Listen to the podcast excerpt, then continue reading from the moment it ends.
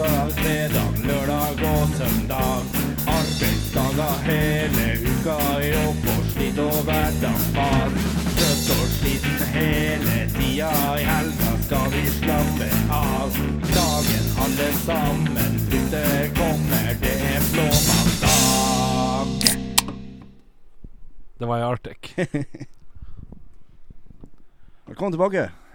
Ja, sjøl takk. Ja. Jan Benny. David her. I dag har vi med oss selveste Max Ripoff, Max eh, Ramone, Max eh, Max. Max Terror. Max Terror, selveste Spurven. Han er Ivar eh, Ryeng sjøl. Hei, hei. Ivar er jo da eh, bassisten i Trang Hanske, og eh, til tross for han kanskje ikke er den mest eh, avanserte eh, bassisten i verden, så har han fortsatt eh, 14 år på oss andre i eh, livserfaring.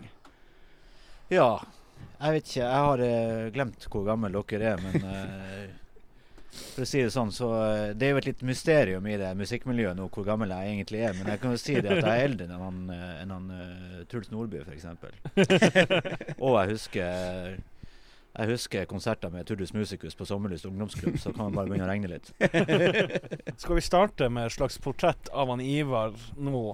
uh, sånn at det ikke blir sånn i forrige episode med Marius. uh, at vi tar det helt på slutten. Vi- sånn at vi lar, vi lar lytterne bli kjent med han Ja, jeg tenker det er lurt. Så tar vi skitpraten senere. Ja. Portrettet av Marius, det, det klarte dere jo å skape de siste, første 45 minuttene uansett. Jeg tror alle hadde sett for seg Marius. Alle som hørte på. En umedisinert ADHD-gutt. Ja. Ivar, du er Hvem er han, Ivar? Ivar han er en eh, kar fra, fra Kvaløysletta eh, med en mystisk, eh, mystisk alder, som sagt. Eh, som jobber som bartender på et av byens vannhold og spiller bass i Trang Hanske. Familiefar og på heltid. Det er det man sier. Ja, Ja, det er vel det. det er nå hver dag. Ja, enn så lenge. Ikke det? Nei, ikke. Nei, du kommer ikke unna. Du kommer deg ikke unna det. Nei. Ikke noen av guttungen din ligner sånn på det. Nei, det kan jeg ikke tenke meg. Nei, og hva ellers? Jeg vet ikke. Det er det jeg gjør. Du er jo nå. Du er eh, president i eh, jeg holdt på å si eh, Amcar-klubben. President i, i Turbojugen Tromsø og styreformann i Tromsø supportergruppe for St. Paul i FC, som er et lite skitlag fra tysk andredivisjonsfotball. Men hva er greia med at så mange folk rundt om i Europa henger med St. Pauli? Er det noe politisk? Det er politisk, da. De er jo veldig venstreorientert. Uh, ja, sånn, har jobba veldig aktivt hele tida med antifascisme, antisexisme.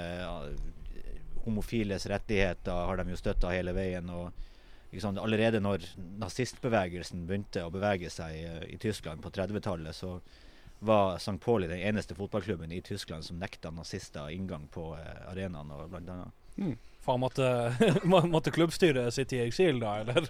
Ja, jeg vet ikke om de ble, eh, ble fikk seg en tur til Auschwitz eller hva. eh, Faen. kan jeg ikke tenke meg. Men eh, Turbojugen og Turboneger, og, eller Turbonegro som det nå politisk korrekt heter. Ja. Hvor, eh, hvor starta interessen der? Når Nå ringer han pappa. Der ringer far din. Lite Da øyeblikk. trykker vi pause.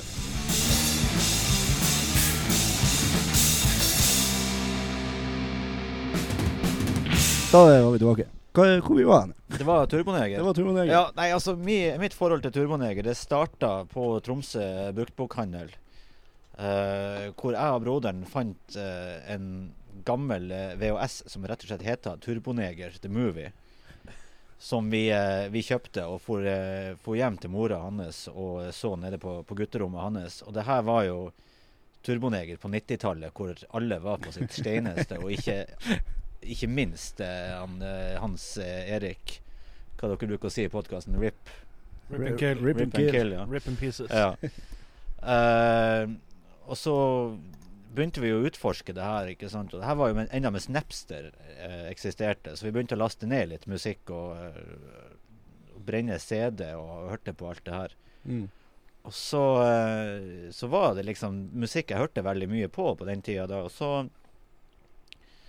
Eh, og plutselig så kom det jo en DVD ut som heter uh, Turboneger The Resurrection, som da var uh, når Hans Erik Husby kom tilbake fra, fra rusavhengighet og til Turboneger, og de kjørte i gang med en sånn europaturné og sånt.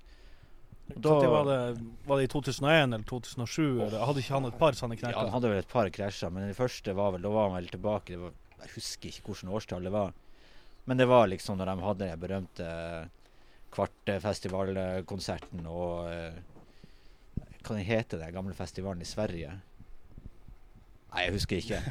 Men ikke sant, og da, da snakker de liksom om det der at det de hadde oppdaga når de hadde starta på nytt, det var liksom den turbojugendbevegelsen, hvor stort det hadde blitt, som de faktisk ikke sjøl var klar over. Mm.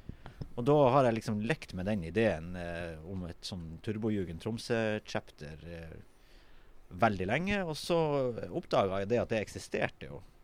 Så fikk jeg medlemskap der og, og ble kjent med hele den Turbojugend-communityen som strekker seg liksom fra, fra Kirkenes og helt ned til Singapore og hele veien rundt. Så det er, det er så vanvittig mye folk, spesielt i Mexico og USA. Og nå har de begynt å etablere seg i Sør-Amerika òg i tillegg. Sør-Amerika har, har jo vært en hotspot for, uh, for liksom hardrock-greier i 20-30 år.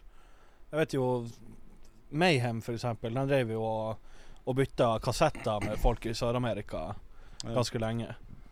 Ja, det er jo mange som har holdt på sånn, og eh, alt av store metal-band er jo kjempestort i Sør-Amerika. Mm. og eh, Sånn som Jeg vokste opp med veldig mye sånn metalcore. Jeg var kjempeglad i metalcore da jeg gikk på, på ungdomsskolen og eh, store deler av videregående. Og Da er det et australsk metalcore-band som heter Parkway Drive. Som uh, Ja, det er et helt fantastisk band. Som uh, var på sånn Sør-Amerika-turné. Og han uh, Jeg husker et sånt klipp hvor han, gitaristen nærmest står og, og skriker backstage. For han trodde aldri at et riff han hadde sittet og laga i garasjen til foreldrene, skulle bli sunget av 200 000 publikummere liksom, i. Chile.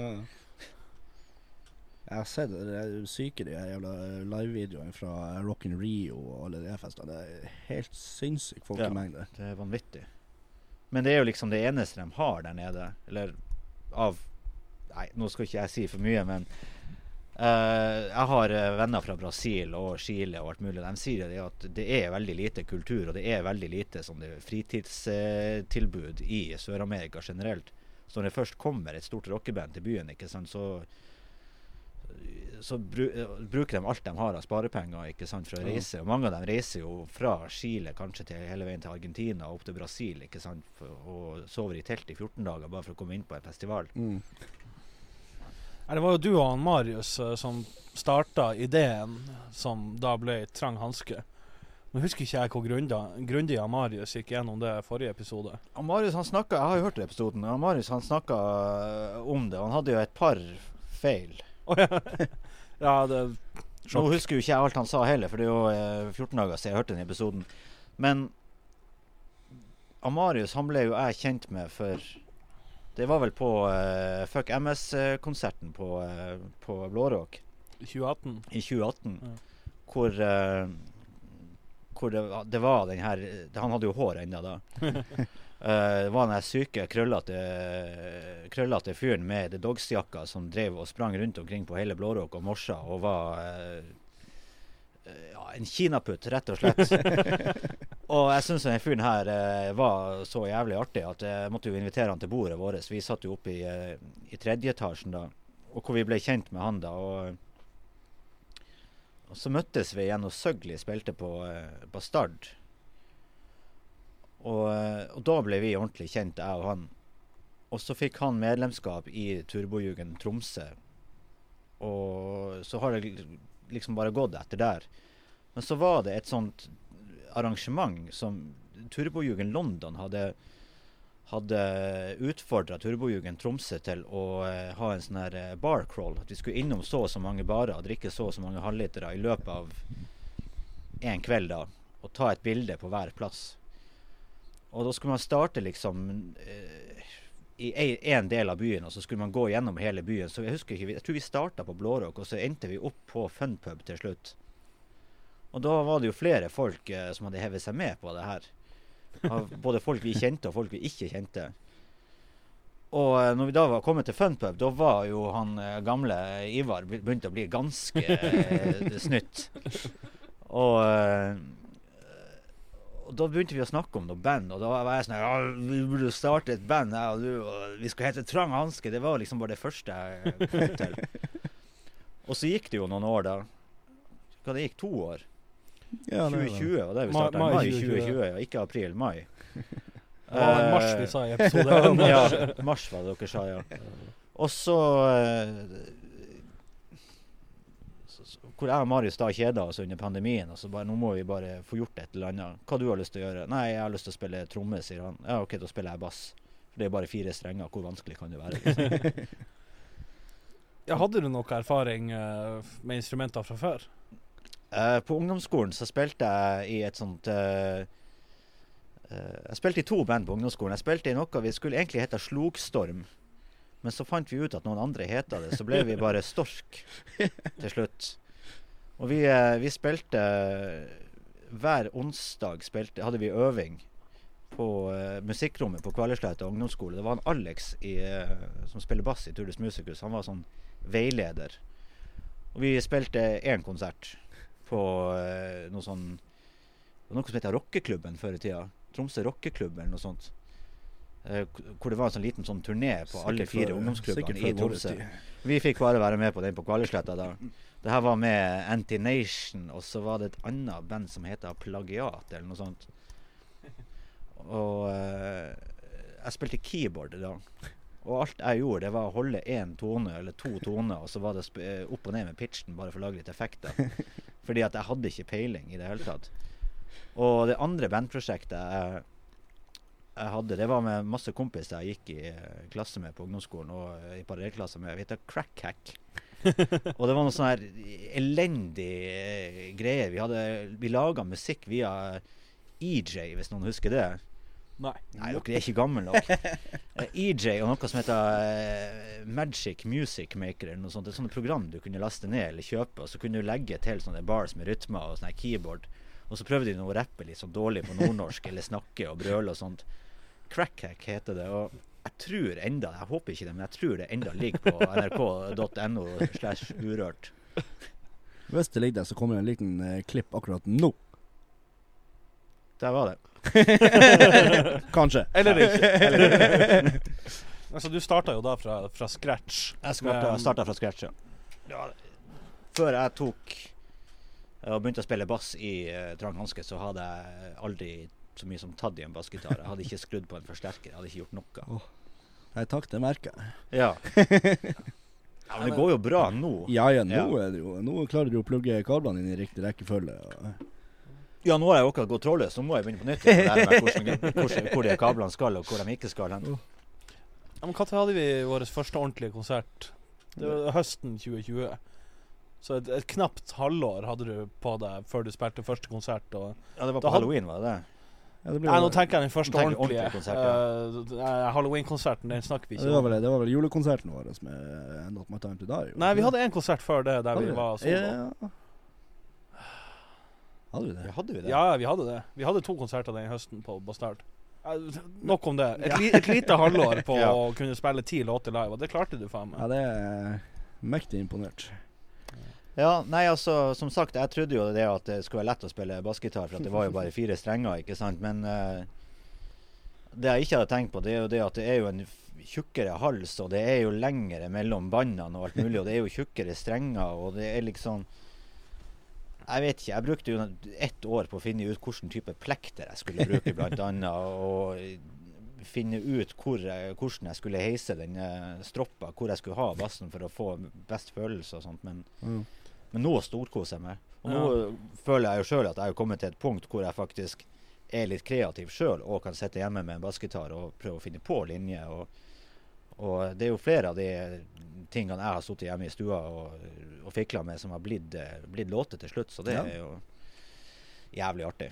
Ja. Det hadde jeg aldri sett for meg. Jeg hadde jo aldri sett for meg at vi skulle spille konsert heller. Ja. Og jeg hadde jo aldri sett for meg det at jeg og Marius skal, skulle finne folk som var interessert i å spille med oss. For det, la oss bare være ærlige, det er meg og Marius, liksom. Hvem i helvete har lyst til det, liksom? Jeg tenkte, jo, når jeg, når jeg holdt på å si sakte, så tenkte jeg så, ja, jeg turbojuge, kanskje vi får masse svære fans. Og litt og. Ja, vi fikk jo det. Vi hadde jo hva vi hadde på første singelen. Vi hadde 20 avspillinger i Mexico. hadde Yes! det? det er jævlig artig å se på den statistikken. Det er Ja. jo stort sett Norge, og så er det Jeg hadde bare Singapore òg. ja, Singapore og Tyskland, og så er det Vi har hatt noe i Canada. Ja. litt sånn det, er, det er gøy å se på den statistikken. Det er jo stort sett, Mesteparten av det vi får, det er jo nede i Oslo og området der. Og Ja. Det er faktisk mer i Oslo enn det er i Tromsø som spiller av oss. Jo mer eksotisk for dem, sikkert. Med Ja, ja. dialekt og uh, alt sammen. Vi tar faen på med en gang vi, Når vi kommer, ned, kommer oss ned til Oslo og spiller en gang, så er det ingen av dem som hører på det. der. Nei, jo, det, jeg, tror, jeg, tror det kan, jeg tror det dukker opp mange, egentlig. Ja. Hvis vi, eh, hvis vi noen gang kommer oss sørover. Men det, nå skal vi jo eh, Nå skal vi jo eh, par timer sørover til, til sommeren, ikke sant? så kan vi jo strekke oss et par timer enda lenger sør neste gang. Og så til slutt så er vi nå hele veien eh, ned i Oslo-området. Jeg har gjerne lyst til å spille i Horten, der hvor eh, broderen er ifra. Til, på, på en måte der jeg også på en måte fikk min musikalske interesse. For jeg har en eldre bror som flytta til, eh, til Horten med mora og stefaren sin. Uh, og, og Horten er jo Det er jo mange som kaller det for Norges hardcore-hovedstad. Mm. Og uh, når jeg ble gammel nok til at jeg kunne reise alene og besøke han, og sånt, så traff jeg jo veldig mye av, av vennene hans som drev med musikk og sånt. Og hadde en liten sånn idé om at en dag så kanskje kan jeg også gjøre det her. Så det er, det er faktisk veldig mange av de kompisene hans som er stor inspirasjonskilde for meg. da. Ja. Så det hadde vært jævlig artig å kunne reise ned dit og spille for dem for en gangs skyld. Eller lamme dem. Det hadde vært Ja. enda artigere. Men det der du sier at eh, ja, faen, kanskje en dag eh, kan jeg også gjøre det der. Det å endelig få, få spilt en konsert, det, det, det er den deiligste følelsen jeg har hatt. Ja, helt enig. Gått og tenkt på det i årevis. At det, faen, jeg vil bli sånn tøff rockefyr. Ja. Det- Ja, for jeg er jo fra Kvaløya, ikke sant. Og jeg er jo Jeg vokste jo opp ikke sant, på en måte når punken kom tilbake til Tromsø, hvor han, eh, han Magnus i Antination på en måte eh, plutselig dukka opp fra ingenting, ikke sant, med hanekam og, og brun skinnjakke hvor det var skrevet 'fuck you' med blanko på ryggen og sånne ting. Uh, og eh, det var da brukte Tvibit å ha hver torsdag brukte de å ha sånne konserter for band som øvde på Tvibit. Og da var vi og så Anti-Nation veldig mye. Og eh, det var veldig mange av vennene mine på den tida som starta band og sånt, men jeg kom meg liksom aldri over den kneika hvor jeg hadde selvtillit nok til å si det at jeg har òg lyst til å, å spille i band. Men uh, Truls Nordby, eh, som spiller tromme i absolutt alt han eh, er jo året yngre enn meg, og han eh, husker jeg, han, jeg husker han, når han begynte å spille tromme, han var jo god allerede da. Og da var jeg òg veldig på det at jeg hadde lyst til å spille tromme, for det var en sånn trommegreier på Kvaløysletta. Eh, han Mikael som har spilt i, eh, i, i eh, Hva faen han heter Jackie Moonshine, den som nå heter Grown of Ugly.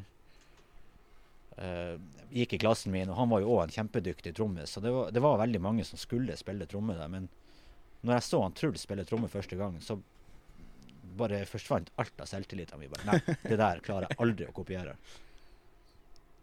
Jeg tror faktisk han fikk et par trommestikker hos meg som jeg hadde kjøpt en gang. Og jeg lurer på om det var hans første trommestikk, at han faktisk fikk dem hos meg. Så jeg venter ennå på royalties fra han. Hvis han hører på det her, og det tror jeg han gjør òg, så vet han hvor han finner meg. Hva dere har gjort de siste ukene? Ikke vært så jævla mye, egentlig. Det er stort sett jobb. Jobb og uh, Vi driver jo og, og arbeider med ny plate og styrer, så vi, vi holder jo på der òg. Altså har du jo hatt ei helvetes bandflu. Ja, så inn i faen. Det er det verste jeg har vært borti. Jeg har vært, jeg har vært igjennom to typer covid. En, en gang i, i desember og no, en gang etter nyttår. Og da var jeg jo på jobb, fordi at jeg merka jo ingenting. Jeg bare hadde litt vondt i halsen. Jeg tenkte jeg er litt forkjøla. Når jeg da tok tester, så var det sånn ah, ja, OK. Ja, jeg skulle kanskje ikke vært på jobb den siste uka. Men eh, her på tirsdag forrige uke, så eh, nå er jo det her eh, hva er det i dag? Det er 8. april, eh, fredag i uke 14 eller 15. Eller, jeg faen. Det er ingen som vet hvilken uke det er. Ja, jeg, har- jeg har ferie i uke 20. Jeg vet da faen hva du altså, si, si måned og si dato, please. Nei, på tirsdag så, så våkna jeg opp og hadde mageknipe. Og jeg tenkte ja, faen, jeg, klarer, jeg klarer ikke å dra på jobb, for det, her, er- det er så vidt jeg klarer å gå fra senga til dassen uten at det går skeis. Du kom deg på øving i et par timer. Ja, jeg kom jo på den. jeg angra jo god tid etterpå. Var, for da var magen begynt å bli bedre, men da begynte hodet å gå til faens. Og, eh, og natt til onsdag så våkna jeg jo med Jeg måtte gå inn på dass og hente ei bøtte fylle med vann og stående på senga, for det, det var oppkast, og det var eh, Skjetta, og det var hodepine og feber. Det det verste jeg har vært borti. Så jeg måtte, jeg måtte ta meg fri resten av uka. Det, det, jeg har aldri, aldri hatt det så jævlig for Jeg har sikkert hatt det da jeg var liten, men det husker jeg ikke så mye fra. Men eh, det- en ting jeg merker, det er at uh, da jeg var liten, så hadde jeg når, når jeg begynte å få feber, så fikk jeg sånne sinnssyke feberfantasier. Så det merka jeg med en gang. Nå har jeg sett, uh, sittet og sett på eh, How I Met Your Mother, og hele siste sesongen der er jo bare et svært bryllup. Så jeg, natt til, til onsdagen der så lå jeg og drømte at jeg var cateringansvarlig i et bryllup og sprang frem og tilbake. Og da begynte jeg å skjønne at nå er, nå er feberen på tur. Nå er jeg ferdig for uh, Nede fortelling. Ja. Jeg er jo sånn, Når jeg blir sjuk, så blir jeg jo han eh, Jeg blir jo sjelden fra, eh, fra Big Bang Theory når han er sjuk. Sånn blir jo jeg når jeg er sjuk. Ikke sant? Da, da jeg, jeg blir så jævlig stakkarslig. ikke sant? Og alt jeg vil, er å ligge på sofaen ikke sant? og bli klødd i håret. Og, og at noen må synge en sang til meg. Og sånt. Og jeg gikk jo hele tida ikke sant, øh, og sa at det her covid, den biter ikke på meg. ikke sant? Jeg har putta i meg så mye rart i mitt liv at det, det er ingenting som biter på meg. Og jeg jobba på båt. Jeg spiste gammel buffémat til frokost og øh, som turister har vært og nusse og hosta på. Jeg, jeg blir ikke smitta av noe som helst. Jo, faen. Dæven, hvor sjuk jeg ble. Og øh, jeg er sikker på at jeg har det to ganger òg. Jeg, jeg tror jeg er en av de Patient Zero i Tromsø, kanskje. Det, for det starta i, eh, i 2020, i mars i Tromsø, var det ikke det? Og da det ble, først ble oppdaga. Se- Sen februar var første koronatilfelle i Norge. Da var det noen som fløy fra Kina til Tromsø. Ja. Og da jobba jeg jo på Størhus, den pizzarestauranten borte i, i, i Rødbanken. Og vi hadde jo bare kinesere innom der. Det var jo alt vi hadde, ikke sant. De betalte jo med, med mynt og med sedler og sånt. Og de sa jo det at eh, koronaen det smitter jo så mye at det, det er jo bare at du tar et glass hvor noen har holdt i, og så klør du deg sjøl i nesen, eller prøver å fjerne et stykke kjøtt fra en jeksel, liksom, så blir du smitta. Mm. Og eh, jeg, hadde jo, jeg fikk jo feber, og så ble jeg frisk på morgenen, og så for jeg på jobb igjen, og så fikk jeg feber på natta. Og til slutt så for jeg til, eh, til legen. Og jeg har jo lært noe i ettertid at det han gjorde på meg på det legekontoret der, det er jo en helt vanlig covid-test. Men akkurat da skjønte jeg jo ingenting. For jeg hadde jo aldri fått en pinsett langt opp i nesa og ned i halsen. Og jeg spurte han jo hva er det du holder på med, er det noe nytt vi har begynt med? Og da sto det på den sykemeldinga som jeg hadde fått, sånn akutt uh, luftveisinflammasjon.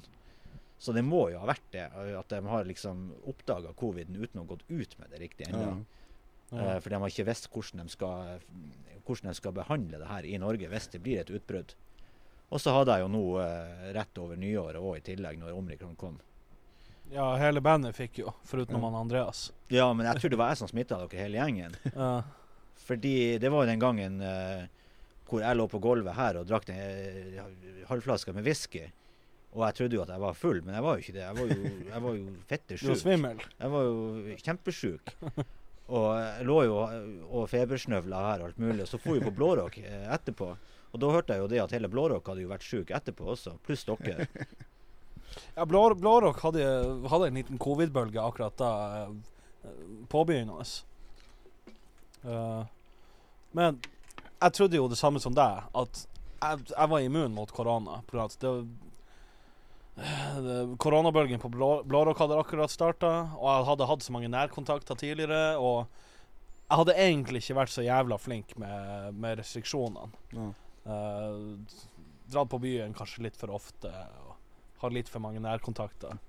Nå er nå pandemien over, så jeg kan ikke bli straffa. men, men jeg tenkte nei, faen, det, det, jeg er immun. Men så gikk det et par dager, og så ble jeg smitta. Ja, sant.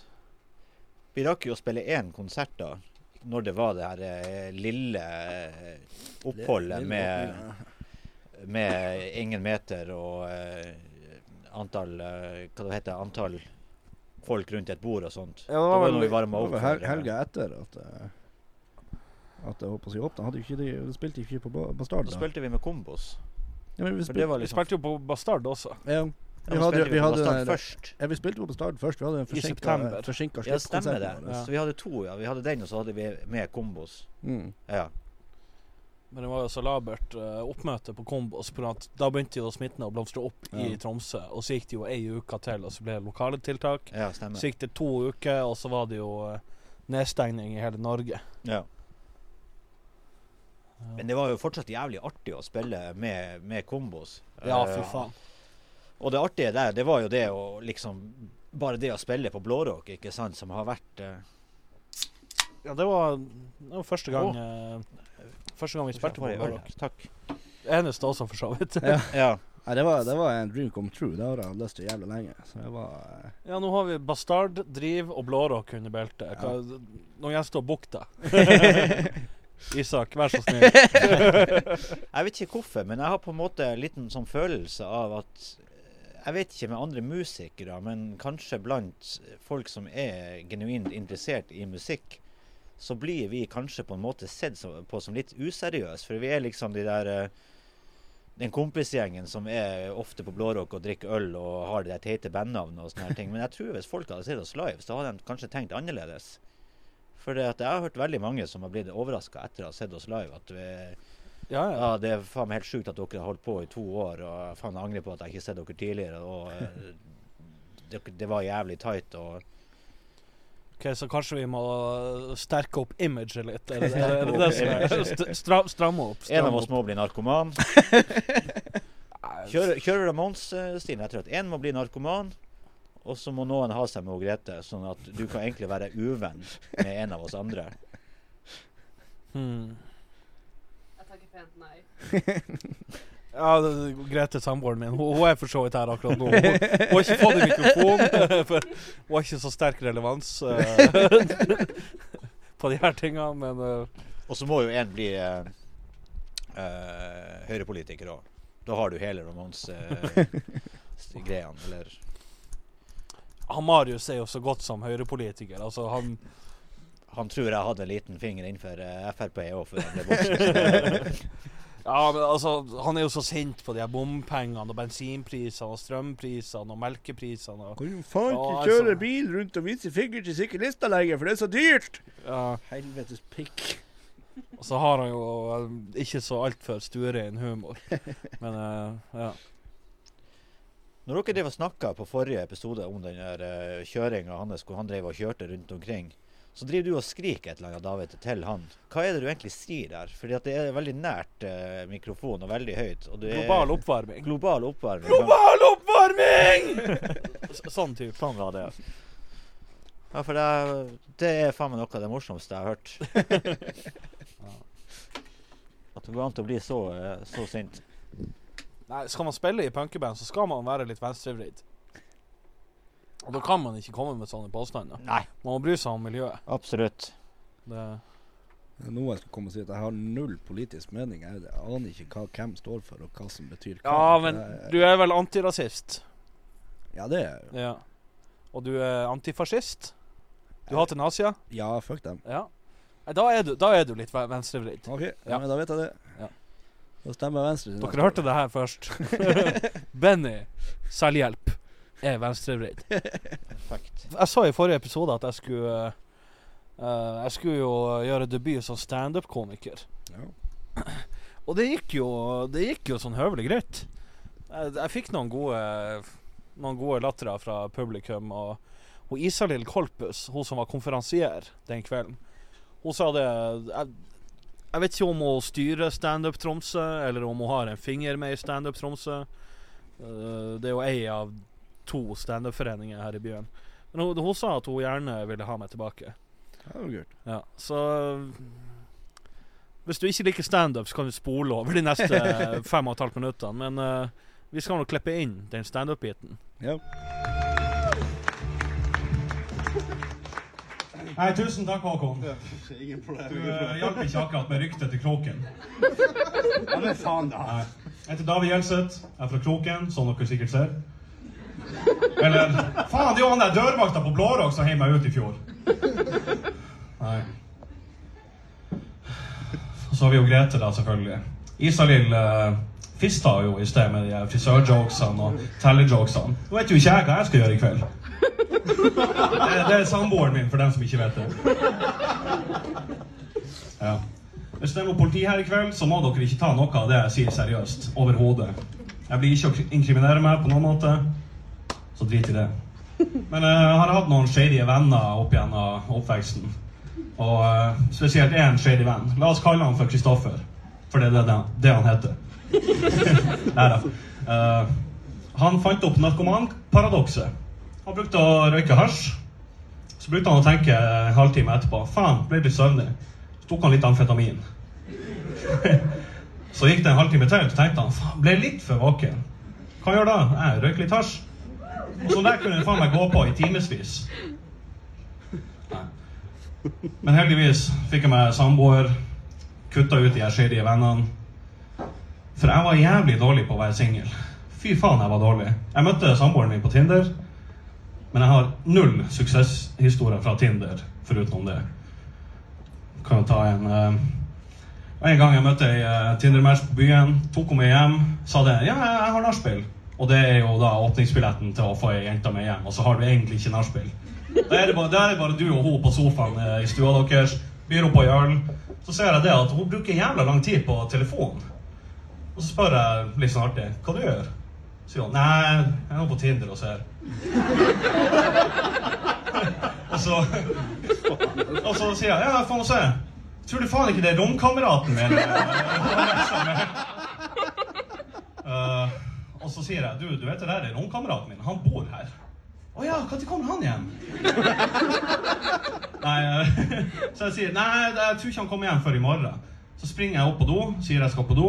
Så ringer han eh, romkameraten min og sier du, Martinus, du kan ikke komme hjem i kveld. Men så sier han at eh, jo, jeg må jo komme hjem. Jeg kan maks drøye til kanskje seks på morgenen. Ja, ja. Og da var klokka allerede fire. Så jeg klarte nå å få her Tinder-jenta med på rommet. Og øh, naken og alt det der. Og så kommer han Martinus hjem. Og det hører hun. Så jeg har regelrett bare servert ei naken jente til romkameraten min. Å, det blir verre. Jeg lover dere. Nei, Tinder-match nummer to. Hun tok jeg med på loading. Kjørte litt sånn rundt i, rundt i Tromsø. Til Ramfjorden og prøvde å prate litt. Hun er ikke så jævla pratsom. Så jeg foreslo skal ikke dra hjem og se en film. Se en serie eller noe sånt. Ja, så. Dro vi til henne. Bitte liten hybel i Breivika.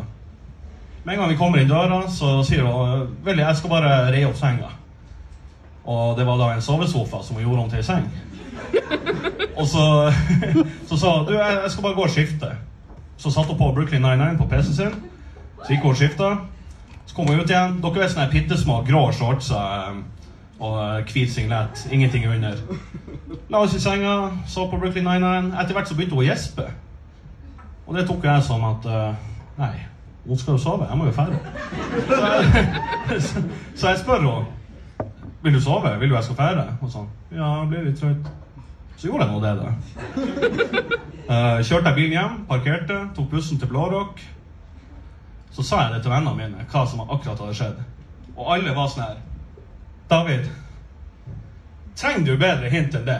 Jenta lagde deg ei fucking seng! Er det mulig? Så jeg skjemtes videre den kvelden. Så over til historie nummer tre. Det er den kjedeligste og den artigste samtidig. For hun møtte ikke opp. Vi avtalte at vi skulle møtes på Blårock og ta noen øl.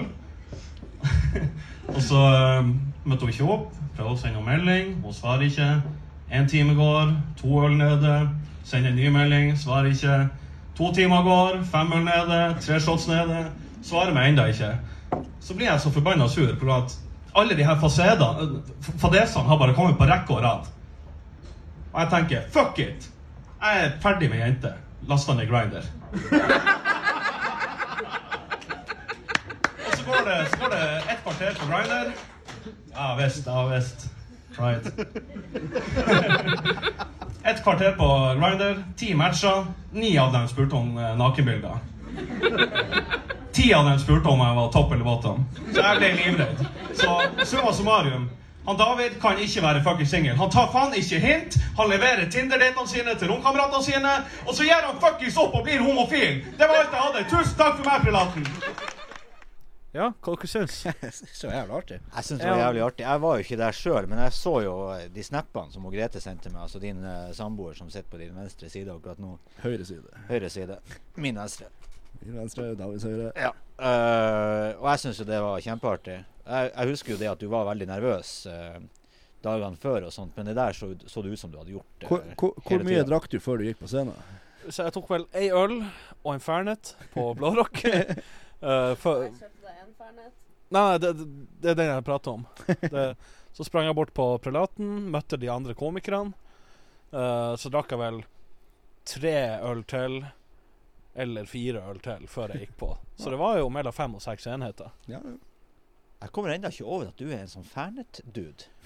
Nei, det, Er ikke det sånn klyse, klyse, klyseshot, egentlig? nei det, jeg, har, fått inntrykk av at det er sånn rocketing. Er det det? Ja, for eksempel eh, eh, i 2019, da jeg sto dørvakt på Blårock under Buktahelga, så gikk vi fri for Fernet klokka 23.00 på, på lørdagen.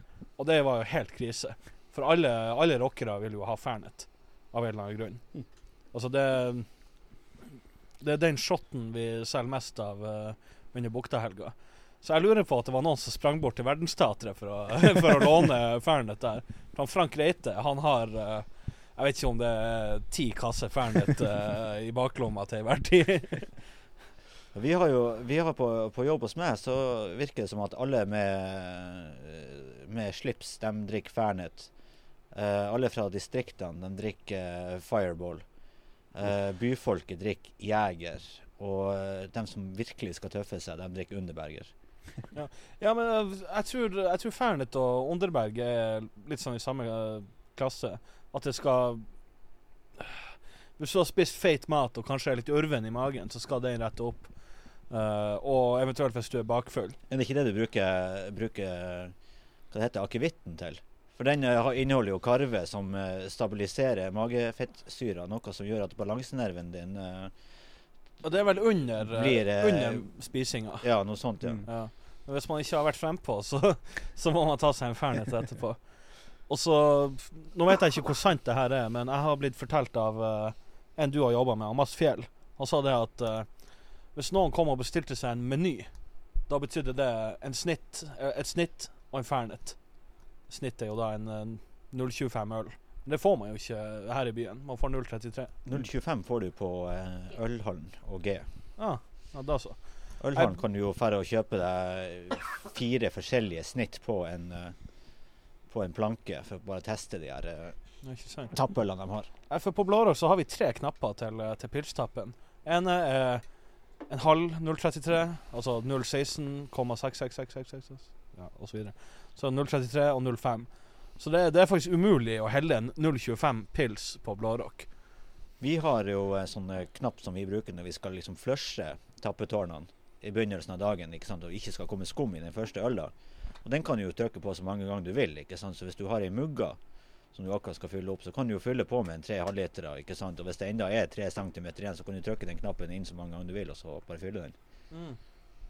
Nei, det, det har ikke vi på Det er jo sånn jeg starter min arbeidsdag. Jeg, jeg, har jo, jeg tar jo et melkeglass, og så trykker jeg inn på alle de seks ølene vi har, og så lager jeg meg en god blanding, og så er det å svelge det der greiene der, og så, så er det å gå og åpne. Så eh, IPA på eh, Altså fat-IPA blanda med Guinness, det er Det er noen sjuke greier, altså. Å, det minner meg om da vi lurte han Frode til å ta ei superblanding. Uh, I puben på Blårock så. Hæ? En av hver. Ja, i puben på Blårock så har vi jo ah, Om det er Jeg tror vi har ni ting på tapp, hvis vi eh, regner bort pils. Og det er jo da Bayer, Nordlys, eh, en IPA, Punk-IPA, en Sider, Hanalei eh, Hva den heter den andre Hawaii-øla? Big Wave. Big Wave. Big Wave. Ja. ja. vi ga han en sånn. Altså, og det, det var jo på starten av vakta, så alt var jo brekkasje. han tok seg et par slurker, og han sa 'Å, dæven! Begynner det å svinge i planeten her?' Frode er jo en lokal legende vi har. Nei, faen, jeg elsker han Frode. Oh, jeg Når vi snakker om syke, syke shotter Jeg drev jo og data en liten periode i eh, ei i Danmark som bodde litt utenfor København. Og Da hang vi veldig mye på en plass i København som heter Voodoo Lounge. Og de har to helt sinnssyke shotter. Uh, det, det har de jo fordi at han som eier det, er jo en sinnssyk type. Og han dukka opp i et fullt SS-kostyme på, på nabopuben der de hadde sånn kostymeparty hvor temaet var superhelter. Ikke sant? Oh. uh, eller I Danmark av alle I, plasser. I Danmark av alle plasser. Eh, men eh, de to pult. shottene er at du, du har den ene som heter Toxic Waste, som er ei, eh, ei bøtte de har med tappekran, hvor de har Hvis de f.eks. skal fylle rødvin i glasset til ei dame, eller en mann for den saks skyld, og så er det bare en liten skvett igjen i flaska. Ja, oppi tønna. Ikke sant. Kjører fire jegershot. Oi, det er bare en liten skvett igjen i flaska. Oppi tønna. Ikke sant. Kjører noe Tequila-greier, ikke sant. Ja, oppi tønna, ikke sant. Du er dårlig bare med å høre. Tre, tre folk har gått fra bordet, og det er et par slumper igjen i ølglasset. Oppi tønna, ikke sant. Så alt det her ligger og blir blanda, ikke sant. Og det er en shot som heter Toxic Waste, og den koster 50 spenn, ikke sant. Eh, 50 norske, ikke sant. Og det er jo masse alkohol, så det er jo faktisk folk som er dum nok til å ta den her. Det andre Jeg hadde tatt syke meg en sånn hadde jeg vært der. ja, ja, absolutt. Jeg har gjort det, jeg òg. Og og den andre shoten som er, jeg syns er litt sånn uh, på kanten, den heter Black Avenger. Som er en Tequila-shot. Uh, og når du bestiller den, så får du da uh, Tequila-shoten ut på et speil, og oppå den, det speilet så er det klistra en svær helvetes svart dildo. Med salt på pungen liksom på den dildoen som du skal sleike i deg først. Ta Tequila-shoten, og så har de skåret inn et sånt lite eh, snitt i, helt nederst i skaftet på denne dildoen, med, hvor de har plassert limeskiva. da. Så du må liksom deep-throate denne dildoen etterpå for å fiske opp denne limeskiva. og det, Har du prøvd det nå? det har jeg også prøvd. For dem som er venner av meg på Facebook, så tror jeg det ligger et videoklipp der inne man kan prøve å gå og sjekke. Og Grete på Eh, telefonen med en gang. men, tenk, men, men jeg tenker, det, det er sånn man gjør i Danmark. Jeg tenker hvis, dere, hvis, hvis vi skulle ha fiska opp en svær dildo på Blårock og gjort noe av det samme det Nei, det, det hadde ikke fløyt. Nei, overhodet ikke.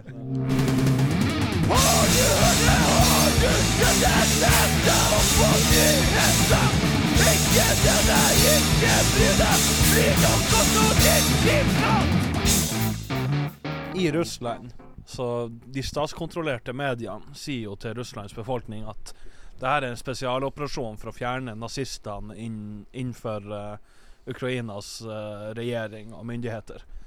Så det har vært rapporter fra en uh, forstad til Kyiv som heter Butsja, at russiske soldater har bedt menn om å kle av seg for å, for å se om de har nazisttatoveringer.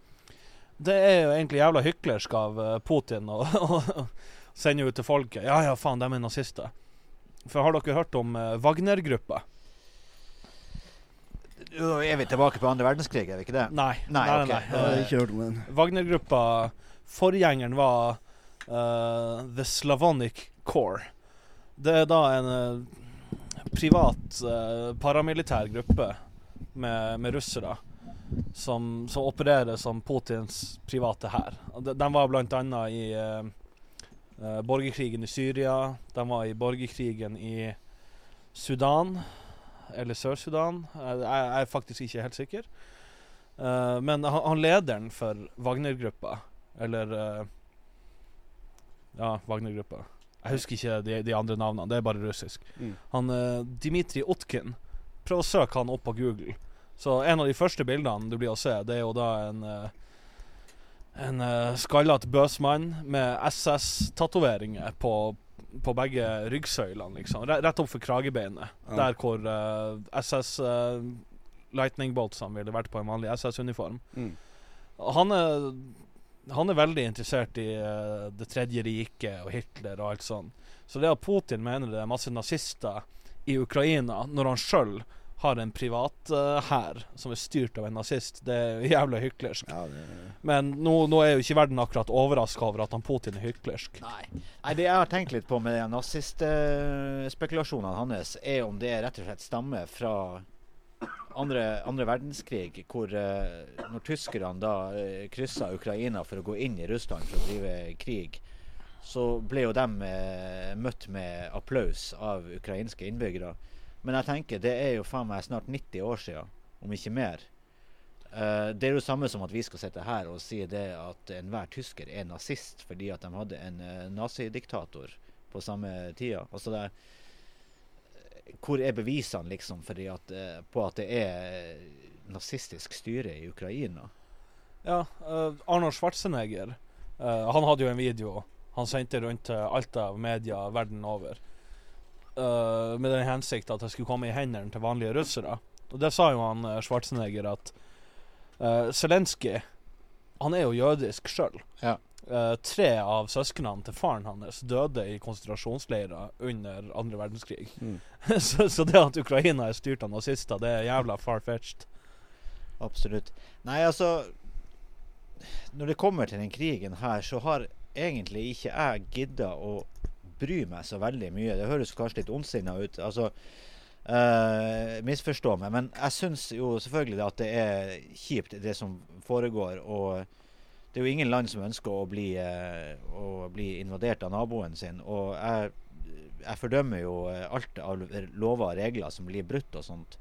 Uh, både mot sivile og, og, og bombing av ikke-militære bygg osv. Men eh, jeg er faktisk ikke i den posisjonen at jeg har lest meg så veldig mye på historie at jeg kan begynne å ja, Hva man skal si?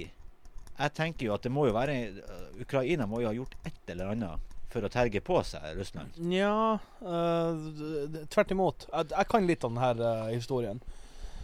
På 30-tallet, under uh, sovjetsk styre, eh, så har vi det historikerne kaller, i hvert fall på russisk eller ukrainsk, uh, golodomyr.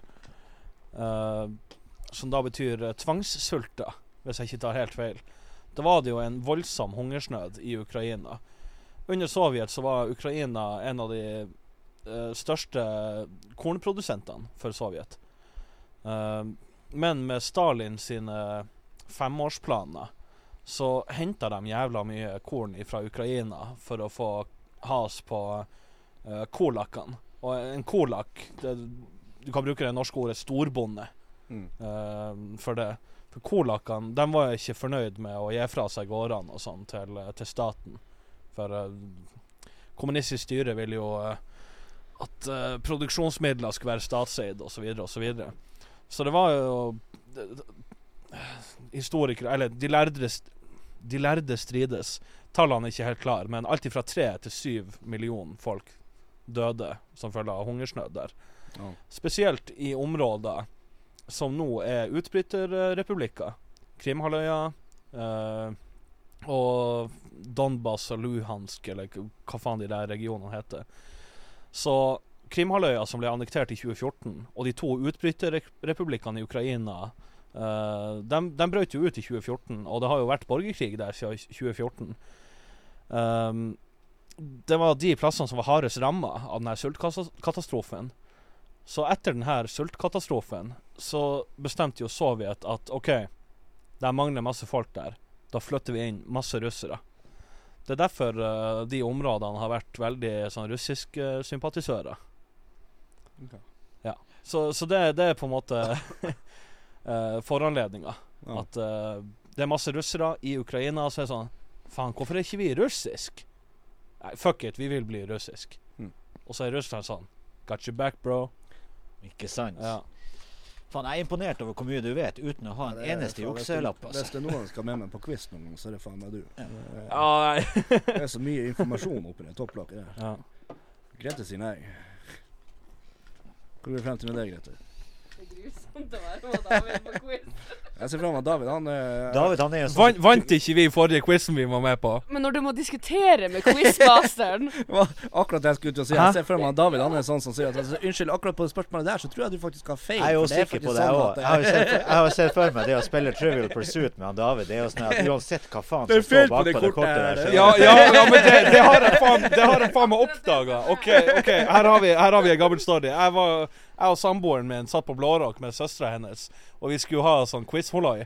På en av de quiz-kortene så var spørsmålet I hvilken verdensdel ligger Var det Kiribati, Tuvalu, Vanuatu En av de her små jarlastatene i Oceania, i hvert fall. Og så sto det faen meg at det var i Asia på det kortet.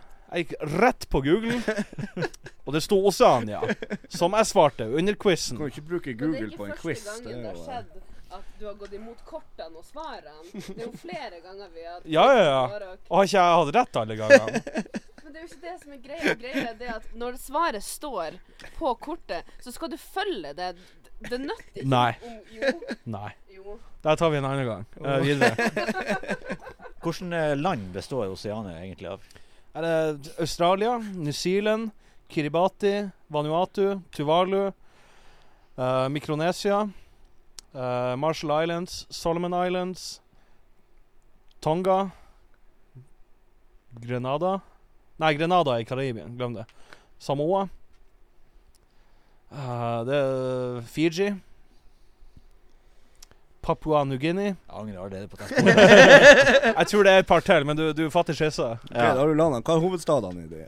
Nei, er hovedstaden jeg ikke er noe på. Det får dere ta når dere har en Drillo som eh, gjest her. altså.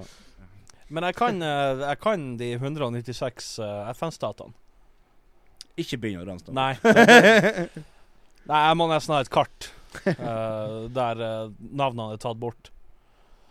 Nei, andre De nyheter. De siste presidentene i USA det er Ja, kanskje kan ikke jeg. så imponerende. Kongen uh, har fått korona, og så blitt friskmeldt fra korona. Så bra. Så bra. Ja, vi hadde jo Det var jo den her eh, Faen, det var Oscar-utdeling her for eh, en uke siden. To uker siden. Ja. Som jeg ikke visste noe om før uh, han, Chris Rock og han Will Smith var på alle forsider av nyheter og Facebook og Instagram og faen overalt. Teit, hele driten. Det, Ja. det, det, det, Jeg syns jo det hele, hele, hele den greia der, det er jo Hollywood i et nøtteskall. ja, ja. Det er jo det Hollywood er blitt. Det, altså hele Alt som heter Hollywood nå, er jo rett og slett bare en uh, realityserie. Det er jo Hollywood-fruer, ikke sant? Og, og nå, uh, nå er det jo bare det at uh, kjente personligheter òg har meldt seg på det her de forbanna toget her. Jeg sier at hele greia var staged, men Jeg tror ikke det er staged. Nei, jeg tror på, på Chris Rock sin reaksjon så virka det ikke som det var eh. jeg syns han var jævlig flink til å holde maska. jeg, Altså. Det var, det Ah, var ok. faen meg imponerende. Ja. Hvis det var staged, så fortjener han eh, Chris Rock en Oscar. Jo, jeg, det er det jeg mener. Det var han som skulle hatt Oscar for beste skuespill. For det der var faen meg hvordan han klarte å holde den maska der. Altså Hadde Will Smith kommet og klaska til meg, jeg hadde jo begynt å grine. Men det var, så artig å se de her eh, Du ser jo først da han, eh, Chris Rock har fortalt den vitsen, så ser du han Will Smith han sitter og flirer seg halvt i hjel, og så, får han øye på uh, Kjerringa. og, og, og dødsblikket hun gir han. Og da eh, Det er det samme som eh, med det jævla Plumbo og Madcon. Plumbo og Madcon. Ja. Ja. Mokkamann-skandalen. Mokkagate. Og Madcon står og, står og flirer med av vitsen og syns det var jævla artig, men så hører den publi- publikums reaksjon, og da var det plutselig ja, jævla rasister, hva faen er det her for noe? Det, Ja. Men han, Tjave dreit seg jo litt ut i ettertid da, når han var sånn Nei, fy faen, ass, det var dårlig vits, ass, jævla fittøl! Han, han sa fittøl sånn tre ganger eh, i et intervju. Jeg sa ah, du går nå ikke så mye lenger eh, med å bruke Bruke det kvinnelige kjønnsorgan som et skjellsår. Det, og han la seg jo langflat rett etterpå i et intervju, og han der Kaizers-gitaristen kom jo helt til øl i håret, hans, så han sto bare der og tok det og sa Nei, vet du hva, nå skal jeg gå på hotellrommet. altså, men, men se nå for dere. Altså, de har jo mest sannsynlig sittet backstage i lag før det her, ja, ja. og liksom sittet og prata vitser, drukket, drukket øl og champagne og sånn. Blitt litt kompiser på bakrommet. Mm. Kjeksa seg. Ja, kjeksa seg. og, så, og så skal han bare dra en kjapp uh, improvisert vits. Altså Nei. Men når vi nå først snakker om det Oscar-greier Hvor mange sånne jævla awards-show trenger de for, eh, for filmer og, og serier? De har jo Oscar, de har jo Emmy, de har jo Emmy er for TV-serier. OK, da Golden Globe tenker du på? Jeg vet da faen. det, er, det er vel de to. Er det bare den to? Alt annet enn det har jo null prestisje. Altså uh, du, du har jo Jeg husker ikke navnene på noen av de andre, men det er Golden Globe, og så er det Oscar, uh, eller Academy Awards, som, som Ja. har noe å si. Okay. Hva som egentlig skjedde med MTV Music Awards? For det var the shit når jeg vokste opp. Jeg vet ikke. Vi hadde jo litt kontrovers i fjor, eller, eh, eller året før der, da Machine Gun Kelly vant uh, rockeplate of the year. Og så ble faen meg fansen uh, Eller så- ble alle rockerne i hele verden snurt. Sånn Nei, nei, nei. Pantera eller ACDC skulle vunnet den. Så er det sånn her Hvorfor skal de her eh, 40 år eller 20 år gamle bandene vinne Rock Album of the Year? Da skal jeg rette deg, for Pantera de er ikke aktive lenger. Så der, nå, Hvem nå, faen var det da? nå vet du hvordan det føles. Pantera har ikke gitt ut musikk på 20 år. Hvem faen var det da? Det er ikke noe viktig. Det var i hvert fall to andre som uh, Det er jo sikkert Metallica eller noe sånt. At, uh. Nei, nei, nei. Det, Nei, det er ikke så nøye. nei. Var det Ghost? Nei. Nei. nei det, det var i hvert fall to eldgamle band. Det ene var sånn 100 år gammelt, og det andre var 50 år gammelt. Som begge hadde gitt ut skive. Mm. Jeg tror ACDC var det ene. Ja, det tror jeg. Den var ganske ny. Five Finger Death Punch. Five Finger, det er mange, da. Ja. De har jo hatt uh, Machine Gun Kelly og Slipknot-guttene har jo hatt beef med Hvor uh, de spilte vel på uh, samme festival, og alle fansene til Slipknot de møtte opp på Machine Gun Kelly sin konsert og bare sto og bua og kauka og styrte med den hele Jeg skjønner ikke hvorfor. Altså, hvis rockesjangeren skal overleve, så må man nesten la folk komme inn. Man kan ikke drive og hausse opp de gamle bandene på Jeg vet ikke engang hvem han Machine Gun Kelly er, annet at det var han som spilte han Tommy, uh, Tommy Tommy Lee. I uh, The Dirt-filmen. Dirt-filmen. Men en jeg syns er jævlig fet, det er han uh, Post Malone Ja. og den Nirvana-tolkninga han hadde under eh, pandemien. Ja. Den live-videoen han Ja. hadde. Fy faen, altså slank han fyren eh, 50 kilo og ta noe cover på tatoveringen og lage en Nirvana-film med en gang. Ja. Det, det er noe av det feteste jeg har sett. Jeg, jeg, jeg, har ikke hørt mye på musikk. Jeg hørte på uh, de her uh, en låt han hadde han Ozzy Osborn med på det, en av de platene han la ut for noen, noen år siden. Og, eh, men det, det er ikke helt min Post Malone-rap, eller generelt rap og hiphop nå til dags, det er ikke min type musikk. Det, jeg respekterer det de gjør, men det er ikke noe jeg setter meg ned og hører på. Men, men hadde han Post Malone laga eh, rockeplate eller metal-plate, så hadde jeg hørt på det tvert, for han har jævla rå stemme. Han er jævla rå å spille gitar også. Absolutt. Ja, men det er det som er nå. Det, rappere kan jo fort finne på å lage ei rockeplate. Ja, ja. Sånn som han Machine Gun Kelly. Ja. Altså, Ivar, han eh, Du visste ikke hvem han var. Han, I utgangspunktet var han en rapper.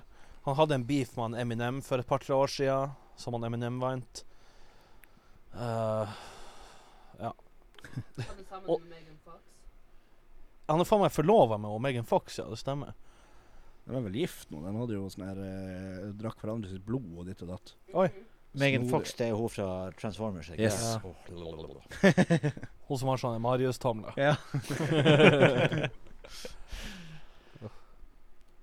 Nei, uh, jeg, jeg vet veldig lite om, uh, om de, den type kjendiser og, og litt sånne ting. Det eneste eh, grunnen til at jeg lærer om sånne typer kjendiser og sånt, det er jo fordi at uh, mine idol driver og gifter seg med de her, sånn som han eh, Travis Barker. Travis Barker nå har gifta seg med der ene Kardashian uh, Courtney Kardashian, ja.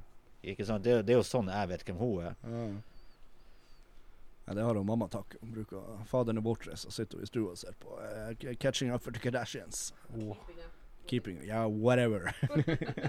Jeg har sett litt på det, jeg òg, for jeg har en samboer som har sittet og sett på det. Jeg syns det er kuleste med hele programmet, det er han der eksen til hun ene som, egentlig bare er der fordi han fortsatt er venner med familien og, og driver og ranter litt eh, av og til og driver og kjefter på eh, nye typer og, eh, og gamle gubber som eh, Jeg vet ikke hva det var. Det var en episode hvor mora til hun ene eller noe sånt var på date med en sånn her skinngammel gubbe. Og så drev de og snakka noe om barnemishandling, eller hva det var for noe. Hvor han gubben sier at hvis han hadde en umulig unge, så hadde han gitt han ris på rumpa. Og hvor det klikker for han her skottfyren. Det er det mest fantastiske jeg har sett på TV. altså. Helt nydelig. Men der igjen, Hollywood. Hvor mye er staged eller ikke? Jeg vet ikke. Og sånn her rap-beef, det har jeg heller ikke peiling på. Siste rap-beefen jeg fikk med meg, det var Insane Clown Posse og Eminem i 1999.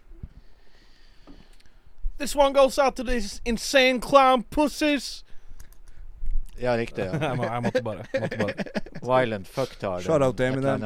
Ja. Eminem, hvis du hører på. Du, du, du er en ekte G. Jeg har likt deg hele livet. Shaggy Tudop, hvis du hører, så syns jeg du er den beste i clown, uh, Insane clown på seg. Men har dere noen gang sett han Violent J? Uh, og han uh, vokalisten i Smash Mouth og han Guy Fieri i samme rom. Og eller han Benny med bleika hår. Faen, gå på, gå på Instagrammen vår eller Instagrammen til Benny og, og finn bilder. Det er hva mer som har skjedd i nyhetes, uh, he- nyhetenes verden? Nei, Ukrain, Ukraina-greia har jo tatt opp mye av Ja, jo- nyhetsbildet, ja. rett og slett. Elon Musk har jo kjøpt den der eh, Faen, er 9 av Twitter etter han. Jeg har ikke lest på hva det er. Det var noen som nevnte det. Nei, jeg så bare overskrifta. Hva heter han der duden som er blitt i lag med ho, Kim Kardashian nå? Å ja, han uh, Pete Davidson. Ja. Jeg så hun Eh, skal ha en til verdensrommet med han uh, Elon Musk. Og der. Hmm. Og det er jo òg historie. Altså Kanye West og alt det greiene der som skjer. Og jeg ser at han er han der eh, youtuberen som er, nå er blitt eh, bokser og alt mulig, har Logan Paul. Log uh, Eller Paul. Logan, er det? Eller Paul? Logan, det, det ja. var Logan Paul som Han var jo Jeg er jo sånn ihuga wrestlingfan, så jeg så på WrestleMania forrige helg. Det var jo Logan Paul med der også og hadde en match. Men hva heter broren hans? Det var Jake Paul. Ja, det er jo en av dem som driver med noe eh, sånn proffboksing nå, eller proffboksing. Det er noe sånn Jeg tror her, eh, begge har starta. Han ene var før den andre. Ja, det, det er noe sånn her bokse et par kamper i året og få eh, mange millioner kroner for det. her. Men han har jo sagt det at han har jo lyst til å gi så og så mange millioner for å se han eh, Pete Davidson og Kanye West. Ja, eh, bokse i lag. Og det har jeg faen meg jeg dratt Jeg hadde betalt for å se det der, altså. Og det verste av alt, jeg tror han Kanye West hadde banka driten av ham. ja, men han Pete Davison er jo bare tynn, liten hasjrøyker Ja, fra staten Island. Ja, ja, ja. Det er sånn at du bare blåser på han, så er han jo borte. Sånn som meg. Jeg tror kanskje han er den eneste personen i verden som er tynnere enn meg. Og så er han mye høyere òg, så det, det Ja, merkes mye bedre. Ja, tenker du psykisk eller fysisk nå? Nei, fysisk. Ja. Begge deler. En god blanding. En god blanding, ja. Nei, så det, Den boksekampen den hadde jeg betalt for å se. Altså. Jeg er spent på å se om han har det for, for Faen, det er jo x antall år siden han eh, Conor McGregor og han eh, Floyd Mayweather hadde boksekampen sin. Og jeg er spent på om det blir noe UFC eller sånn MMA-kamp til dem til slutt. Om de har drevet og snakka om for å tjene enda flere masse milliarder på de jævla kampene sine. Skal ikke han der eh, Jake eller eh, Paul eh, Logan eh, Skal ikke han bokse med Mike Tyson òg nå? Yes. Ikke de driver og hadde noe eh, greier der òg? det har de helt sikkert. Ja, men jeg føler at de her boksekampene og MMA-kampene Det, det er jo bare penge, Altså, nei, men altså- pengesamling, nesten. Jeg føler de som er utfor liga, de blir jo haussa opp i sånn 11-12 år Ja. før det faktisk blir noe av. Altså eh, McGregor uh, Mayweather ha, Har de slåss ennå? Altså, Ja, det- det, jeg føler det blir hypa opp i sånn syv år nå. Ja, ja. Nei, de hadde jo for et par år siden Så hadde de den boksekampen som han Mayweather gikk ut med seieren til slutt. Ja. Og Ja, ble det fem- seier? Jeg trodde det var uavgjort. Nei, det var Jeg tror du tenker på han KSI og han, eh, han, han KSI og han Logan Paul. Det ble uavgjort. Ah, ja, ok. Ja, Mayweather ble vant og gikk ut med 500 milliarder etter han. Og de Ja. Syke Jeg tror jeg har ødelagt mikrofonen, Benny. Det, vi tar det etterpå. Nei, Plus, det der- plutselig datt det ned en det der, det der er en eh, adapter for at den kunne passe til de fleste mikrofonstativ. Så det er ja, ingen fare. Faen. Men jeg tenker det at jeg hadde godt fått et par milliarder kroner for å, en halvtime i ringen med en av de her karene her. Og fått Jeg hadde lett tatt meg på tugga av Ja, Tyson. For, Rett og slett. Han kunne tatt seg en bit av øret mitt. Ja, for faen. Så lenge jeg ikke hadde blitt slått i hjel, så hadde jeg gjort det for 100 000. Ja, men det er jo en ære å få seg en på tygga av Mike Tyson. Ja, det, det, det er fåtall av eh, si, ordinære mennesker som kan si det sånn jeg var nå i LA og ble klappa over øynene av Mike Tyson. Ja, ikke sant. Skal vi gå over til røverhistorier. ja, det kan vi jo. Kanskje du vil starte med en story, Benny. Du, du har vært litt stille det siste minuttet. Ja, det har jo vært prat om mye rart som sånn. Nei, altså, det er jo ikke, det er jo ikke sånn røverhistorie eller fyllehistorie. bare- Jeg har jo begynt å, begynt å øvelsesgjøre og ta Eller sånn eh, Hva heter det? Kjøretimer.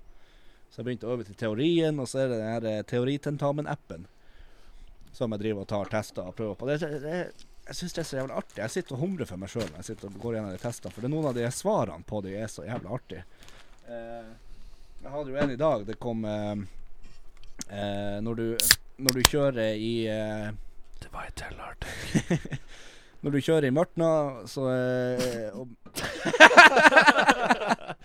Det var litt skum i den artikkelen, kanskje. Denne episoden er ikke sponsa av eh, Mack bryggeriet. Denne episoden er på ingen måte sponsa av Mack eh, bryggeri. Verdens nordligste industribryggeri. Jeg kan si at eh, det, det var et sånt spørsmål om hva, når, når du møter på en mil, bil i Mørtna, og eh, hva, hva skal du gjøre med angående lys og ditt og datt. Og ene svaralternativet der, det er jo sånn helt ut av det blå. Det er sånn, ja, du skal se inn i nærlysene hans. og eh, annet jeg fikk, det var eh, eh, Hva er riktig om hest i trafikken? Og ene, ene svaralternativet er at det, det er bortimot umulig å samspille med hest og rytter i trafikk. Og eh, andre er at hest og rytter skaper som regel kaos når det ferdes på veien. Begge de to er jo teknisk sett riktig, Jo, mener nå det jeg, er jo da. for, for så vidt det. Men det riktige svaret var at du skulle, du skulle vike vei og eh, kjøre rolig og sakte forbi, men eh, Ja, vi har jo en sånn liten hestestall uh, nedfor kirka i Kroken. Så eh, det, det er jo noen folk som driver og går rundt i kroken med hest. Og når de slipper en sånn her liten tikiloshaug med, med, med hesteepler på, på gangstien, og ikke rydder opp etter seg Altså, hva faen? Hvis jeg går tur med bikkja, og jeg ikke plukker opp, og snuten får det med seg, så kan jeg få bot. Men hvis en hesteeier er ute med hesten, og den slipper ut eh, ti kilo med hesteepler på gangstien, det var en bare ingenting. Det syns jeg er bullshit. Ja, men da Sorry. har du jo sikkert Det de var- det hesteeierne som kommer David, inn det- der og Det var ikke bullshit, det var hårshit. Men da har du jo Nå, nå sitter jo sikkert noen, eh, noen der ute som har peiling på hest. Jeg vet ikke hvor mange lyttere dere har per episode, men Ti. det er, Så det er jo sikkert noen som tenker ja, men det er jo bare, det er jo bare plantebasert avføring. Det blir jo eh, en del av naturen, ikke sant. Sånn sånne katteelskere ikke sant, som er ute på sånne Facebook-sider hvor eh, sånn lokallaget eller eh, borettslaget har sånne egne Facebook-sider hvor folk driver og klager på, på kattebæsj. Og da er det sånn Ja, men det blir jo forkalka, og så blåses det jo bort uansett. Det er mye verre med, med hundeskitt, for det er det jo kjøtt i. Så er for faen kjøtt i kattemat òg. Ja, det, det, fisk og det er jo drit. dårlig leverpostei. Ja visst faen er det. Og der har dere min røverhistorie. Jo. For masse år siden så våkna jeg opp eh, av min eh, kjære bror som kom hjem fra, fra byen. Og skulle servere meg noe herlig mat han hadde vært å få tak i. Han hadde vært å få tak i noe lapskaus. Som eh, Jeg hadde jo vært på byen tidligere, men jeg hadde, jeg hadde dratt hjem tidligere for at jeg var dårlig. og sånt Og han mente jeg måtte ha mat, så han hadde kommet hjem og servert noe mat. Og eh, Det er den verste lapskausen jeg noensinne har spist. Og da når jeg står opp om morgenen etterpå, så står det to sånne bokser med åpen kattemat på, eh, ved, siden av, eh, ved siden av komfyren.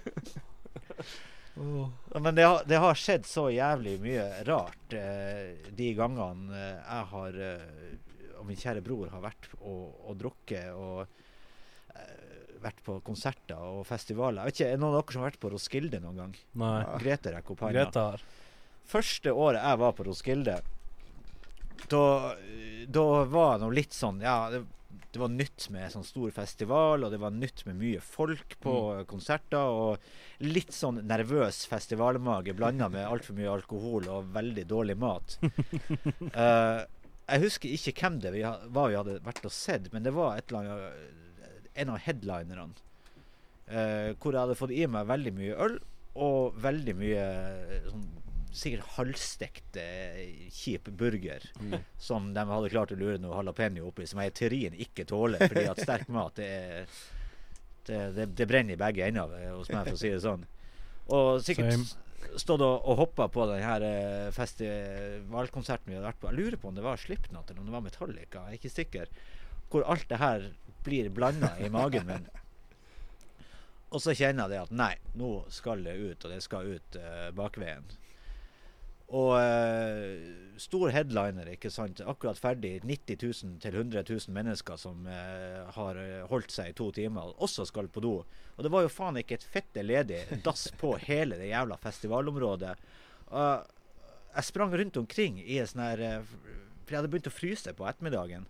Jeg hadde bare shorts og en singlet på meg, så jeg hadde vært og kjøpt meg en sånn onepiece, løvedrakt, ikke sant, med hale, ikke sant, og med sånn hette som er i hodet, med, med løvemanke og øyer på toppen og hele pakka. Og eh, hvor broderen til slutt sier, ikke sant, etter jeg har vært og stått i flere køer og kjenner ut at nei, nå må jeg sette fart på bare drite i buksa eller finne meg i buska og drite bak, hvor han sier men du kan gå til den vogna der, der er det jo ikke noe kø. Og eh, jeg ser, det er jo ingen, eh, ingen kø, for det var, det en sånn dassvogn. Og jeg springer opp der, og der står det ei dame og lyser meg i trynet med lommelykt og sier at du er jo ikke noe dame. Så jeg hva du mener? Og du er ikke noen dame, det her er damepissoaret. Det er kun damer som får lov å pisse her.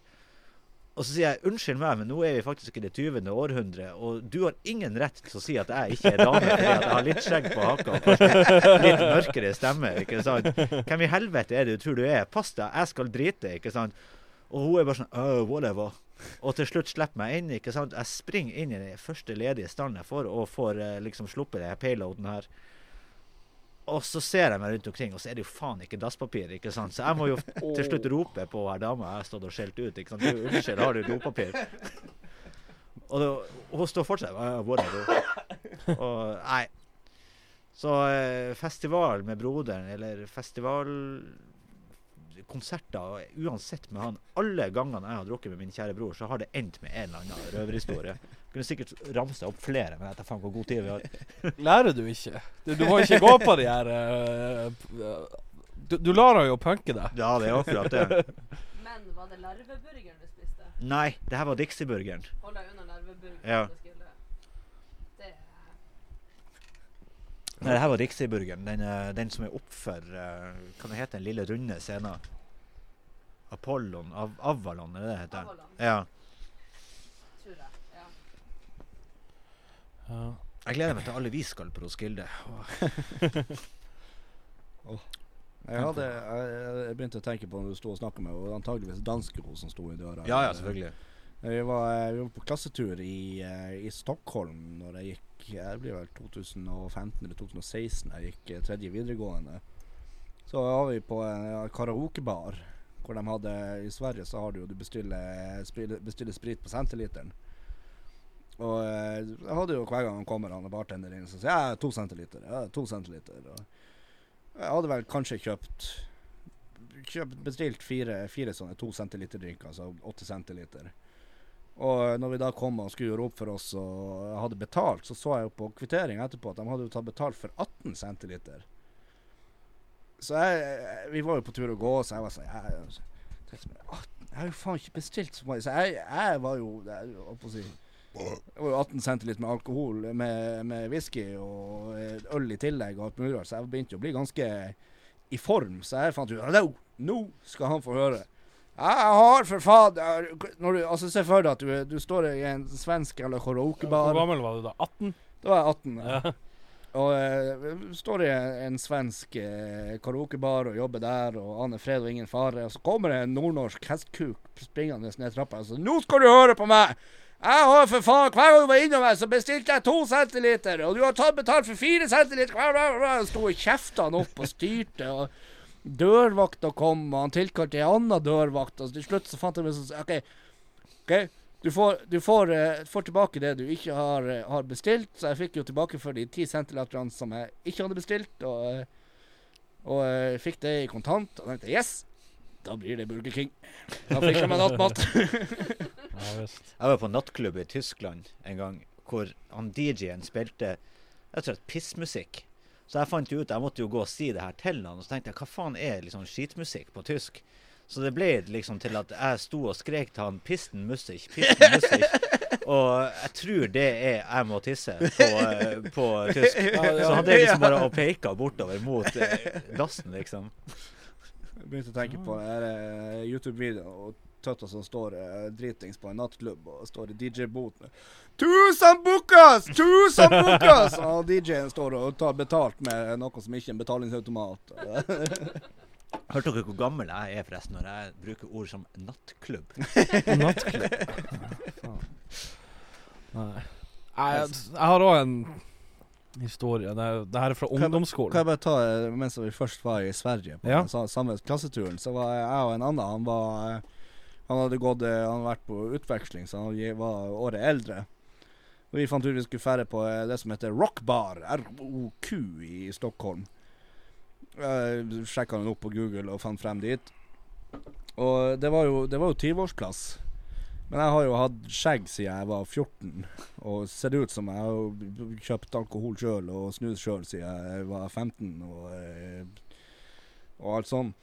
Og eh, han var jo eh, ordentlig babyface. Var ikke eneste skjeggstrå å se i trynet på han. Og, så vi kom Var til den ba? Nei, det var ikke du. Du var faen ikke i Stockholm da. Prøvde bare å ta litt selvironisk. humor. ja, du har jo litt skjeggvekst. Ja, nå, men ikke der jeg var 19. Nei, det er sant. Men eh, eh, vi dro til den rockbaren da, og jeg gikk inn først, og dørvaktene hilste og slapp meg inn, og det var ingen problem. Og gikk og skulle henge fra meg jakka, og så snudde jeg og sa, og kompisen min kom, men uh, så han ikke, så jeg gikk jo ut der, og så står han jo der med den klassiske og sier ah, Nei, jeg har glemt legitimasjonen min på hotellet, og ditt og datt. Så jeg eh, Sorry, du får ikke komme inn, og ditt og datt.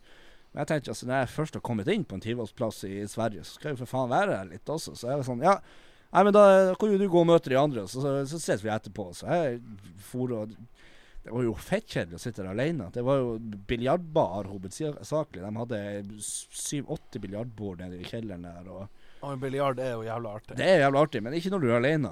Ja. Det er jævla kjedelig. Kunne jo få Men- deg en svensk skje. Ja, jeg kunne Ja, jo men det det. blir liksom Spiller Forrest Gump å stå og spille ved bordtennis alene, liksom.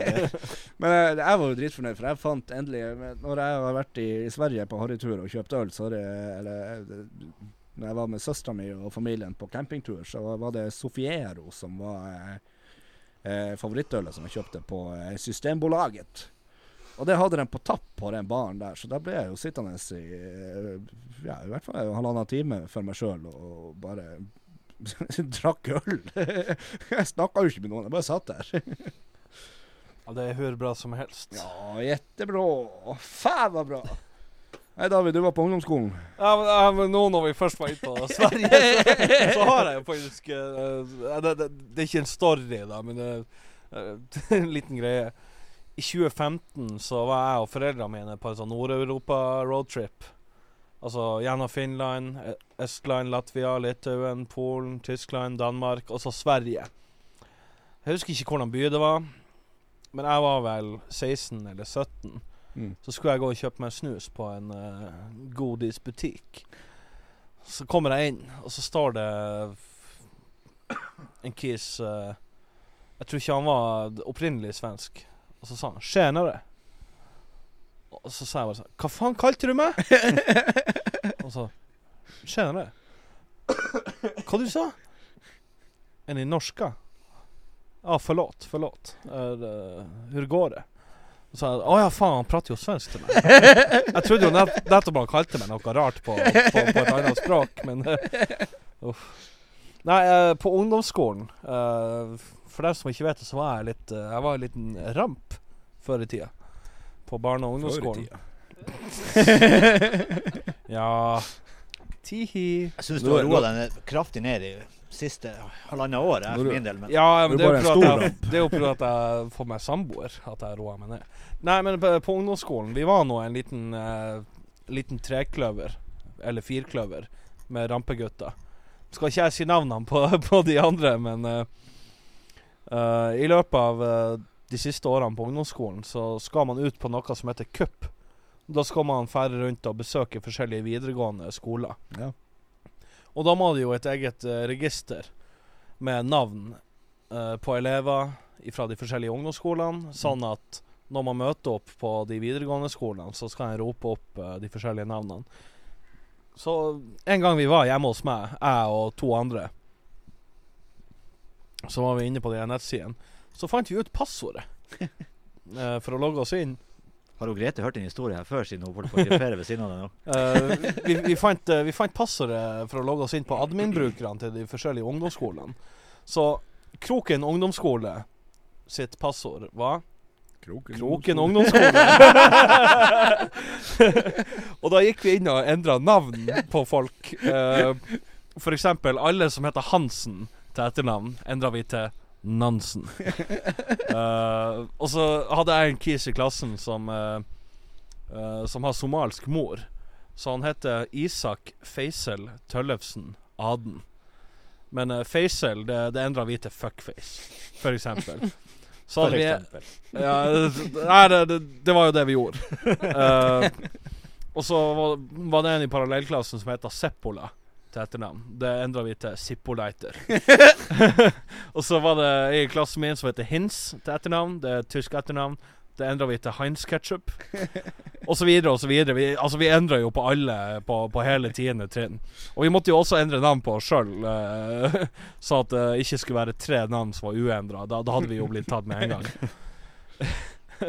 uh, men det som var at dagen etter Hva ble ditt navn? Det, Jeg husker det ikke. uh, nei, jeg, jeg husker faktisk ikke. Men dagen etter så hadde de andre guttene uh, som var med på denne pranken De hadde drevet De hadde skrøtta av det til de andre i sine klasser. Og gitt passordet til de andre. Sånn at de hadde gått inn og, og endra på navn. Og da hadde jo de, i stedet for å ha sånne artige ting som High Sketchup og Zippoleiter, Uh, gått inn og skrevet liksom hore og feiting og og, og neger og, og, og masse, masse sånn veldig upassende greier.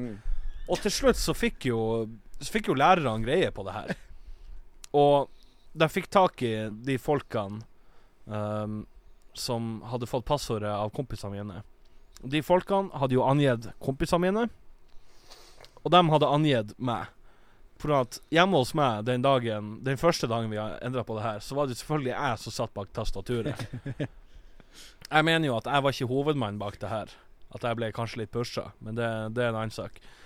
Uh, så jeg fikk jo all skylda. Uh, jeg, jeg ble rett og slett hevet under bussen. Bare pga. at de her uh, kuksugerne ikke klarte å, holde seg i skinnet for å skryte av det her dagen etter.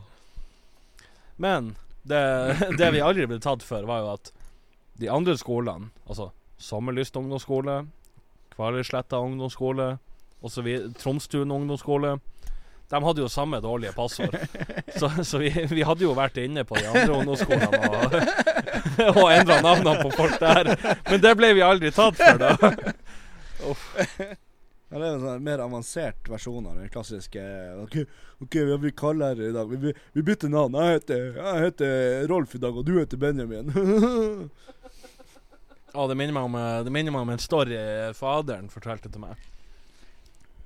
Pappa og mamma de møttes jo eh, De møttes jo mens de gikk på ungdomsskolen.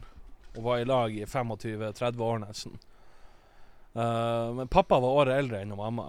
Mm. Så når mamma gikk siste året på ungdomsskolen, og, og faderen var fri og frank og ikke tok utdannelse og jobba svart på mekaniker Nei, ikke svart. Glem det. Nei, det, det er foreldre uansett. Hvem bryr seg? Uh, så var han eh, en dag på skolen og hang. Og så fikk han greie på at OK, det er en i klassen til, til moderen som er syk, og det er vikar. Så han gikk jo inn og satte seg. Så når det var opprop, uh, og det var sånn 'Raimond!' så uh, rakk faderen opp hånda og sa 'ja, her'. Så, så var jo han og Raimond resten av timen. Men, men så etter 20 minutter så fant jeg ut at Nei, faen, jeg gidder ikke, jeg drar hjem. Så røysta han seg og bare gikk. Så 'Raimond, hvor du skal?' Jeg drar. Fuck deg. og da fikk jo Raimond selvfølgelig anmerkning pga. pappa sin, sin oppførsel. Det var, jo, det var jo en trend jeg gikk på ungdomsskolen. Det var jo det å skulke skolen for å, å fære til Sommerlyst eh, ungdomsskole eller til Kroken og, og drive og springe i gangene der mens det satt sånne miljøtjenesteposter, ikke sant. Og eh, det fikk du jo ikke lov til ikke sant? hvis du hadde skulka en time og springe i gangene. For da skulle miljøtjenesten eh, gi deg anmerkning og eh, videre til, eh, til kontaktlærer og sånt. Så det var, det var jo sånn når jeg var liten, da, det var jo at du, du tok jo bussen til, til Kroken ungdomsskole og sprang litt i gangene. Jeg spurte, miljøtjenesten kom og, og tok deg mot veggen og spurte hva du heter, og da sa du jeg heter, jeg heter Raimond. Ja, hvordan klasse går du? 9A, ikke sant? Og det var jo bare for at han Raimond i 9A på kroken, for du likte han ikke. Fikk han, han en kjempeanmerkning. Og så for du tilbake til Kvaløya, og så hadde du matematikk og gym og uh, heimkunnskap og dro hjem. Det er jo fantastisk. Gjør ikke det nå lenger, liksom. Nei. Er det noe mer, eller eh, dere hadde på hjertet? Eller skal vi dra ut og drikke øl, eller hva skjer? Nei, jeg vet ikke om vi har eh, tatt det vi skulle. Jeg har jo selvfølgelig noen flere røverhistorier, men vi kan jo spare Vi kan jo spare noe. Vi kan sitte her hele natta. hvis- Jeg er jævlig spent på hva dere skal snakke med Andreas om neste gang. Ja. Men det, det, det, det skal jeg ta nå. Eh, for alle som hører på, så har jeg en liten quiz. Den som klarer å gjette riktig, den skal når vi en gang trykker opp eh, Blåmandag-T-skjorta, skal du få en gratis T-skjorte. Hvis du klarer å svare på hvor mange øl som blir åpna i løpet av denne episoden her. Aha. Den har ikke dere lagt merke til, gutta. Jeg teller nå. Jeg vet ikke, jeg har ikke fasiten. Jeg må høre gjennom det etterpå. Husk at eh, den okay. første jeg drakk nå, den blir åpna før dere trykte play. Ja, så nå, nå, tenk, nå tenker jeg på alle ølene som man har hørt at Så det er bare å spole Altså, tilbake og høre episoden på nytt igjen. Ja. Men alle episodene, eller kun i kveld? Nei, kun i kveld. Kun i Ok. kveld. ja. Hva vi heter på Instagram, det er vel Blad A-mandag. Det heter Altså blåmandag med to A i Bla stedet for en mandag. A. Og så husker Er det pod? Jeg tror det er bla, bla mandag. Jeg skal dobbeltsjekke. Det er bla mandag pod. Og mail. Det, er, det er samme, samme handle der. Det er blaamandagpod at gmail.com. Ikke sant. Så send, send svar på Instagram eller eh, på mail, så uh, trekker vi en vinner etter hvert. Send, send spørsmål òg, for så vidt. Ja. Det, har du sjekka mailen i dag? Sånn om vi har fått spørsmål? Jeg vil ikke få noe spørsmål. Nei, selvfølgelig ikke. Hadde ikke dere noe sånn quiz-greier da Marius òg var her? Eller eh, Ja, folk skulle tegne et bilde av Så han, folk skulle tegne portrett av Marius, men det var ingen som uh, møtte opp, eh, ikke møtte opp. Men uh, Nei, vi har jo syv lyttere. Er Og fire av dem sitter i det her rommet. Ja, ikke sant. Nei, eh, Nei, men takk for at jeg fikk lov å komme. Så ses vi på tirsdag til vanlig øving. ja. ja visst. Vi ses jo etterpå. Vi skal jo drikke øl, for helvete. Det er jo fredag! Hepp, hepp. Hei, hei.